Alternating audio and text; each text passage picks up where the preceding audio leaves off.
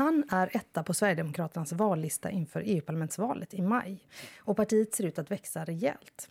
Han är lastbilschaufför och har som EU-parlamentariker också jobbat mest med just transportfrågor och arbetsvillkoren för chaufförer i Europa.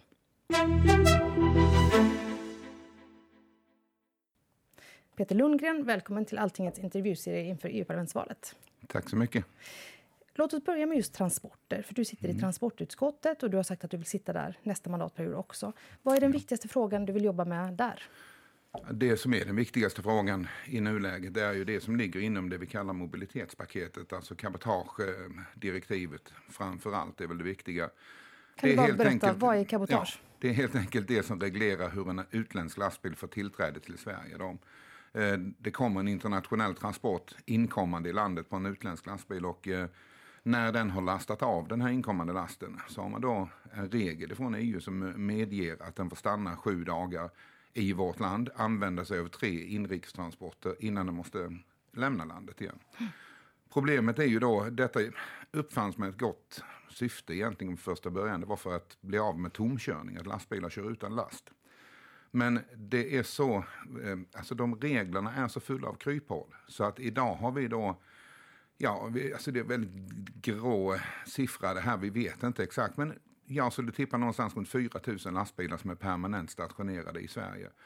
Och eh, under fruktansvärda villkor med företrädesvis öststatschaufförer. Bilarna är oftast registrerade i öst med.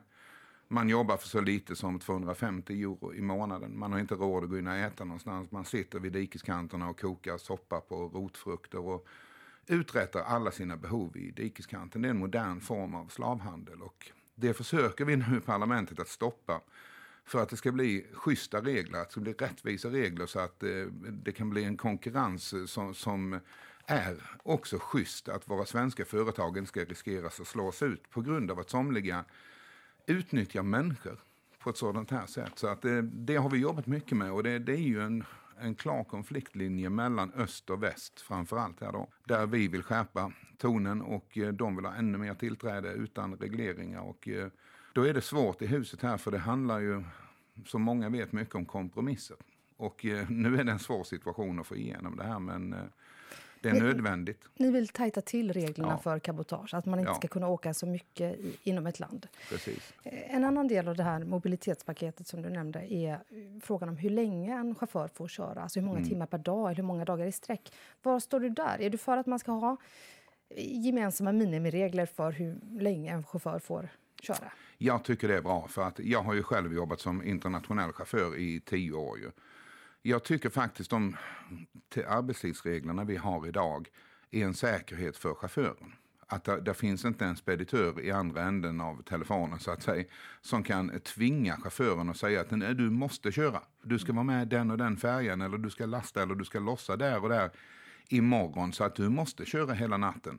Så jag, jag tycker det är bra att vi har de här reglerna och jag också väldigt mycket för en stark kontrollapparat på nationell nivå. Där man faktiskt från Polismyndighetens sida också ser till att de här reglerna efterföljs. Och där har vi ett problem i Sverige, men det är en nationell fråga att vi har för dåligt med poliser. Men eh, jag mm. tycker det är bra att vi har de här reglerna. Kan vi stanna här och bena lite? Nu kanske det blir lite teoretiskt, men jag skulle vilja förstå ditt parti och hur mm. du röstar i EU-parlamentet just i de här arbetsmarknadsfrågorna. För att mm. om man tittar på ert parti program 2014 inför EU-parlamentsvalet då, då sa ni att en av de viktigaste frågorna var stopp för lönedumpning mm. i Europa, i Sverige mm. Mm. Eh, och garanterat skydd för den svenska arbetsmarknadsmodellen. Och som jag ser det så finns det väl två sätt att göra detta. Dels kan man väl rösta på ett sätt som ska stärka svenska facks möjlighet, fackförbunds möjlighet att ställa krav på utländska företag. Och det gör Sverigedemokraterna konsekvent i EU-parlamentet. Röstar mm. för sådana regler i utstationeringsdirektivet. Mm. Å andra sidan kan man också rösta för gemensamma minimiregler på arbetsmarknaden. Mm. Och där röstar Sverigedemokraterna oftast mot. Mm.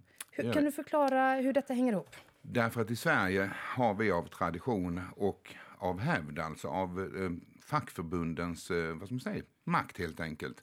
I Sverige har vi varit väldigt duktiga genom åren att få på plats en väldigt rigorös eh, lagstiftning vad det gäller arbetares skydd. Och vi ligger långt före många länder i de här frågorna och därför vill jag inte på något vis släppa det här eller mitt parti till EU att diktera det här. För att EU fungerar lite så, ger du dem lillfingret river de armen av dig. Och då tappar vi kontrollen över de här frågorna. Vi anser fortfarande det är en fråga som ska hanteras mellan arbetsgivare, fackförbund och svenska riksdagen där de folkvalda svenska ledamöterna sitter. Det anser vi är viktigt för att upprätthålla arbetarnas säkerhet på vår marknad i Sverige. Men om ni lovar era väljare vi ska kämpa mot lönedumpning i mm. Sverige, inte en väg dit att, att rösta för att höja minimireglerna för alla så att ingen kan köra lastbil för länge till exempel eller utsättas för vissa farliga kemikalier? Alltså där, där är det klart och tydligt. Vi vill inte släppa greppet över den svenska arbetsmarknaden och det som vi alla kallar för den svenska modellen. Eh, man är naiv och man tror att man kan öppna upp det till förhandling och komma fram till något gemensamt i EU. För det som blir slutprodukten i en sådan förhandling är absolut inte det vi kallar den svenska modellen. Och då står vi helt plötsligt med lägre krav än vad vi har i dagsläget. Vi vill inte utsätta svensk arbetsmarknad för det här. Vi vill att det fortfarande ska vara tryggt att arbeta hemma i Sverige. Och folk får gärna komma och arbeta i vårt land. Det har vi ingenting emot. Men då ska de följa de svenska kollektivavtalsreglerna. Det är det som ska gälla för att vi ska få en, en schysst konkurrens. Sverigedemokraterna har idag släppt kravet på att, att Sverige ska lämna EU. Kommer det här på något sätt att påverka hur du agerar som EU-parlamentariker i nästa mandatperiod jämfört med den här? Nej, egentligen inte. för att eh, Som sverigedemokrat är det ganska lätt egentligen att sitta här för att eh, man har Sveriges bästa för ögonen och, och, det tycker jag man ska ha som svensk politiker. Många säger att det är inte svensk inrikespolitik vi hanterar här nere utan det är Europapolitik då. Men det spelar ingen roll för det påverkar hemma i vårt land eh, politiken så att det vi fattar beslut om här nere. Så jag har hela tiden jobbat med det i bakhuvudet, de tankarna. Att jag, jag tänker på hur påverkar det här marknaden hemma i Sverige då? Och det kommer jag fortsätta att göra. Däremot ser jag väl att eh, Eh, om valet går bra, vilket allting tyder på, inte bara för Sverigedemokraterna utan alla de andra partierna runt om i Europa som är kritiska mot hur EU arbetar och eh, tar över mer och mer makt i alla områden. Så ser jag också en möjlighet att eh, vi kan bli så starka så vi faktiskt kommer att kunna påverka beslut där vi kommer att kunna till exempel blockera förslag som att från EU vill man införa alltså beskattningsrätt, man vill ha en egen inkomst till EU för att kunna bygga federationen ännu starkare. Sådana grejer som vi inte tycker om får vi ju såklart mycket lättare ifrån en stor grupp då att kunna bromsa. De här partierna, EU-kritiska, nationalistiska, invandringskritiska. Mm. mm. Vissa kallar dem populistiska. Mm. Du kanske inte håller med om den, det ordet? Nej, jag brukar kalla oss för de realistiska partierna. Okay. De här partierna, vi vet vilka partier vi syftar mm. på, de växer mm. i, i Europa. Ser du att ni, Sverigedemokraterna, är del av den rörelsen, samma rörelse? Och, och vad förenar er? De här partierna i Europa idag? Jag ser inte att vi är en del av rörelsen med alla partier. Vi vill framför allt värna vårt samarbete med de konservativa partierna i Europa. Det är också så vi sitter idag i ECR-gruppen då. Och, eh, det, det, det, är där vi vill vara, det är där vi känner att vi hör hemma. Eh, det finns partier som vi klart och tydligt har en röd linje emot. Och i vårt fall handlar det mycket om Rysslandsmotståndet som gör att det finns en sån här röd linje. Och, eh, sen kan man inte kanske i en partipolitisk grupp som det handlar om här nere bestämma det här själv. För detta sköts i förhandlingar i, i de respektive partigruppernas eh, omröstningar och, och eh, eh, sånt efter valet. Och eh, där är det, då får man kanske, somliga gånger får man kanske acceptera att eh, ja, det är inte riktigt rätt. Men jag tror ändå i det stora hela så det känns viktigt för mig i alla fall att vi försöker hålla den här röda linjen ifrån vårt parti i alla fall. Då. Sen kanske vi, kanske vi blir nedröstade, det vet jag inte. Men då får man ta ställning där och då i så fall till det. Och vilka partier syftar du på då? Är det italienska Lega, franska Nationell ja, till, Samling? Till exempel som har ett etablerat samarbete med Ryssland. Och, eh, Ryssland har problem. Alltså det, det, jag fick frågan för inte så länge sedan om jag skulle välja mellan eh, Putin och Macron. Och då Macron är en av de värsta politikerna jag vet som snart har ödelagt eh, sitt, eh, sitt land. Men han valdes i fria demokratiska val. Det, där, där är ändå en viss skiljelinje på det. då. under den mandatperioden så har Sverigedemokraterna bytt partigrupp från mm. EFDD, en lite spretigare, ideologiskt mm. spretigare grupp med eh, Ukip, till exempel, italienska femstjärnerörelsen, mm. till ECR som är bland annat brittiska Tories och polska Lag och rättvisa finns med mm. där. Varför vill ni byta grupp? Det är egentligen alltså det, den konservativa tanken eh, som egentligen var eh, vårt önskemål från första början också, när, när vi kom hit 2014. Eh, vi, vi ville verkligen bli medlemmar i ECR-gruppen den gången och eh, också med tanke på att vi har Dansk Folkparti och vi har Samfinländarna och den skandinaviska anknytningen tycker vi, vi små länder, det är viktigt att vi finns i samma grupp och, och kan samarbeta i vissa frågor. Då. Och eh, det var inte möjligt. Man, vi blev inte insläppta den gången och eh, då stod vi ju lite, ja, vi visste inte vad som skulle hända. Man anklagade oss i svensk media att eh, eh, vi duckade frågan i vilken grupp vi skulle sitta och Jimmy Åkesson vägrade att svara på, på frågan. Men det var som vi sa hela tiden, vi visste inte. För att vi hade, vi hade redan fått ett klart nej från ECR-gruppen den gången. Eh, Nigel Farage, ledaren för EFDD-gruppen, hade eh, också gått ut i intervjuer och sagt att han såg det som eh, ytterst ja, svårt eller nästan otänkbart att det skulle bli ett samarbete där vi blev insläppta. Men eh, så blev det ju. Vi kom ju in i EFTD-gruppen mm. och vi, där hade man väl kanske lite tur, eller vi hade väl kanske det, för att man fattades helt enkelt en nationsflagga. Eh, det är ju så, du måste ha sju nationsflaggor, och, eller sju medlemsländer och du måste ha 25 ledamöter för att kunna bilda en grupp. Då. Man fattades en grupp och eh, det gav ju oss lite bättre odds eh, i det läget. Då. Och, vi kom med i EFD-gruppen och det har, det var, alltså, har fungerat jättebra. Samarbetet är en spretig grupp som du säger med allt ifrån nästan miljöpartister, femstjärnesrörelsen då till, till, till Ukip då. Det spänner över hela det politiska spektrat nästan.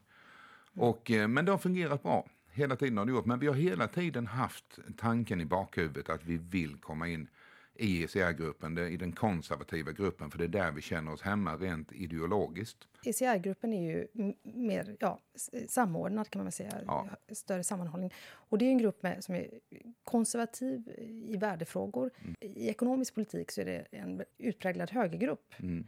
Är det ett problem för er på något sätt? Ni har många arbetarväljare. Mm. Och ECR-gruppen är väldigt mycket för frihandel, för kanske mm. konkurrens på arbetsmarknaden i Europa. Mm. Saker som ni kanske inte är för på samma ja, sätt.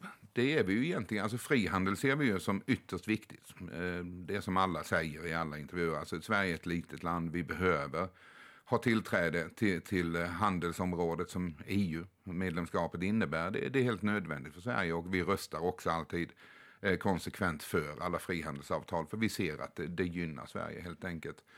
Eh, sen är det ju såklart frågor vi kanske inte är helt överens med, med, med, resten av gruppen. Men det är också så, bara för att man ingår i, en partipolitisk grupp, så är det inte så att man är förbunden att eh, absolut rösta likadant.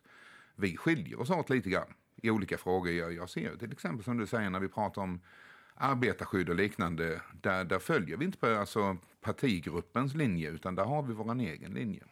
Och i en grupp som ECR som ändå är, har en hårdare mm. partigruppspiska än ja. EFDD, har ni möjlighet att rösta som ni vill? Ja. I de, ja. Okay. Vem vill du ska bli EU-kommissionens nästa ordförande? Ja, du, det, det är ju inte så många alternativ egentligen. Då, utan det, vi, vi pratar ju om, om två alternativ. Då, och, eh, eh, jag är absolut inte socialist. Jag har aldrig varit det i hela mitt liv. Och eh, jag vet, eller är säker också på att SOD-gruppen kommer att minska ytterligare storlek efter nästa val. Så eh, deras kandidat faller bort som jag ser det. Och då, då är det i praktiken bara en kandidat kvar. Och det är inte den optimala som, som jag skulle vilja se på platsen. Men eh, eh, Eh, han kan näppeligen bli sämre än vad Jean-Claude Juncker har varit. Nu pratar om Manfred Weber, mm. EPP-gruppens ja. kandidat. Kommer du rösta för honom? Eh, vi får se vad som händer i omröstningen där. Det är, det är alltid en, en lång process den här dagen när man röstar igenom eh, vem ska sitta som ordförande.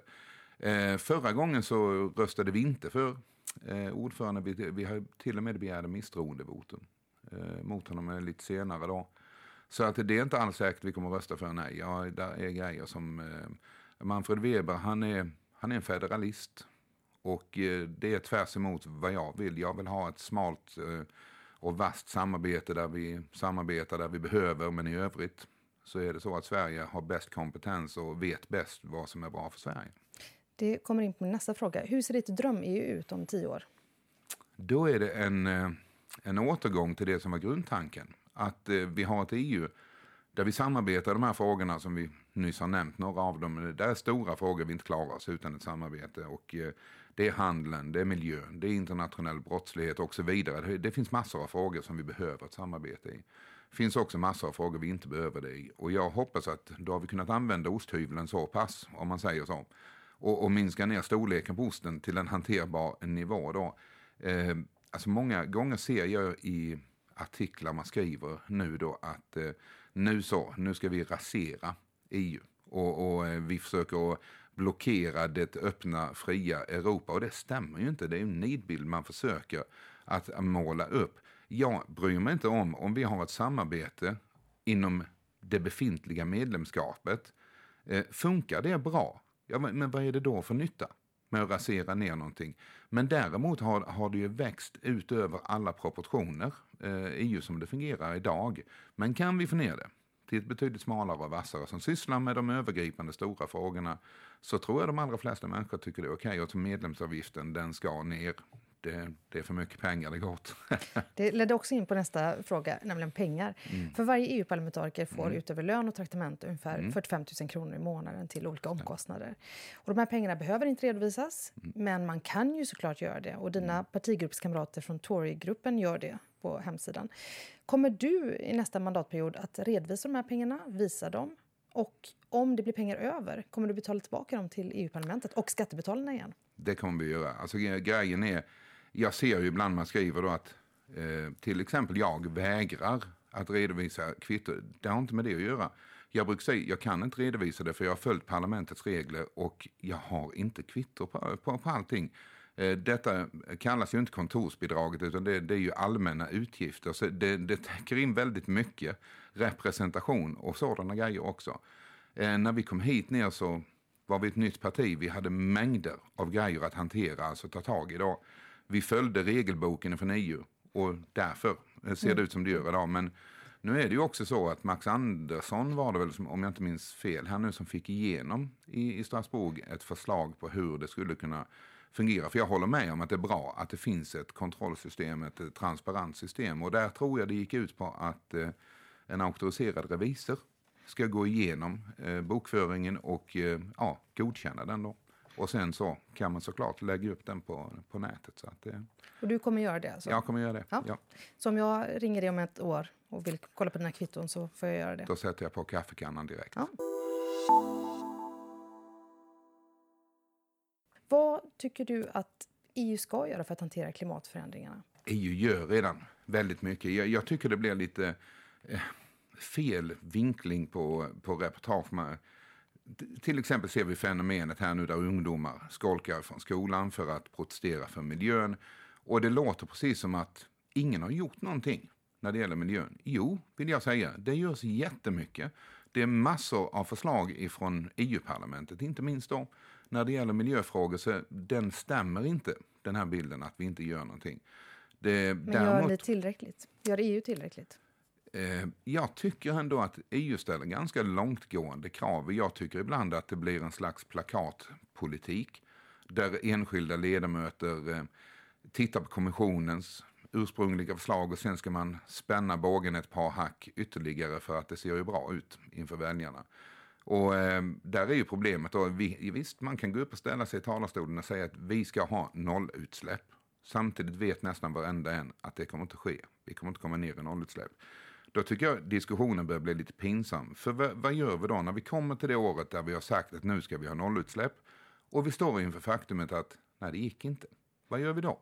Ska vi då riva upp lagtexten eller ska vi ge den en förlängning eller ska vi försöka pudla lite och minska på kraven? Då tycker jag det är mycket bättre att man är seriös från början och sätter upp eh, rimliga krav som går att uppnå. För det, det är ju faktiskt en framgång att kunna säga att nu har vi krävt eh, 20% minskning säger vi, på, på avgasutsläpp från bilar. Och man faktiskt lyckas leverera det. Det är ju jättebra. Och sen finns det ju nästa steg också. Då. Inte öka ambitionsnivån i målen Jo, det? alltså det är inte fel att öka en ambitionsnivå, men den måste ändå finnas inom, vad ska man säga, teknikens möjligheter. I, idag ska man ha klart för sig att eh, trafiken står för en stor del av utsläppen, det gör den. Men titta 20 år tillbaka hur avgasutsläppen såg ut då ifrån olika bilar och lastbilar och titta idag. Samtidigt, om man tittar på utsläppen i Europa så minskar de flesta sektorer mm. medan transportsektorn ökar fortfarande. Ja. Hur ska man, och det är en fråga som landar på ditt bord. Ja. Hur, hur, tycker ni, du att eh, ni i EU-parlamentet ska jobba med det? det? Just den biten är en jätteintressant fråga. Jag brukar få den här frågan också, hur kommer det sig att just transportsektorn ökar? Det blir nyare lastbilar och det, det blir bättre och bättre effektivitet i avgasreningen. Jo, här har vi problemet med cabotagedirektivet. Här har vi då bilar som kommer, kommer in som inte uppfyller miljökraven överhuvudtaget. Vi ser väldigt ofta i åkeribranschen i Sverige så ser vi svenska bilar som är utslitna, alltså de är utrangerade och åkerierna säljer dem på export. Och sedan tar det tre veckor och sen kommer samma lastbil tillbaka till Sverige med utländska nummerplåtar på. Och sen har vi då den faktorn också att med den här lönedumpningen som pågår så kan du idag få transporter för 50 kronor milen. Medan ett svenskt åkeri som ska följa alla regler och ha senaste miljöklassningen på motorer måste ha minimum 150 kronor milen. Så där har vi ett problem. Då har vi mängder av gamla, i mina ögon utrangerade bilar som skulle skrotats istället och ersatts med nya bilar. Men de kommer tillbaka. Där har vi ju faktiskt en, en miljölagstiftning med de här euro, eh, euroklassningen på motorerna. Då. Och, eh, I Sverige är det ofta ett argument för ett åkeri när du ska eh, göra en upphandling eller lämna en offert på en upphandling. Då, att du kan visa att du har väldigt miljöeffektiva bilar. För det, det, det blir en grej som kommer mer och mer i de här upphandlingarna. Och sedan i nästa ände så har vi våra allra största företag i Sverige som anlitar sig av eh, rena brevlådeföretag i utlandet med bilar som är egentligen eh, miljöovärdiga, som jag säger det, som, som kommer tillbaka till Sverige. Så det där är ett problem. Men ska vi lösa, ska miljön, ska vi lösa miljön måste vi göra det här ifrån EU. Det är ett av de områdena vi måste ha ett samarbete i. Vi måste få ordning på det här. Peter Lundgren, tack ja. så mycket för att du var med i Alltingets intervjuspecial inför EU-parlamentsvalet. Tack så hemskt mycket.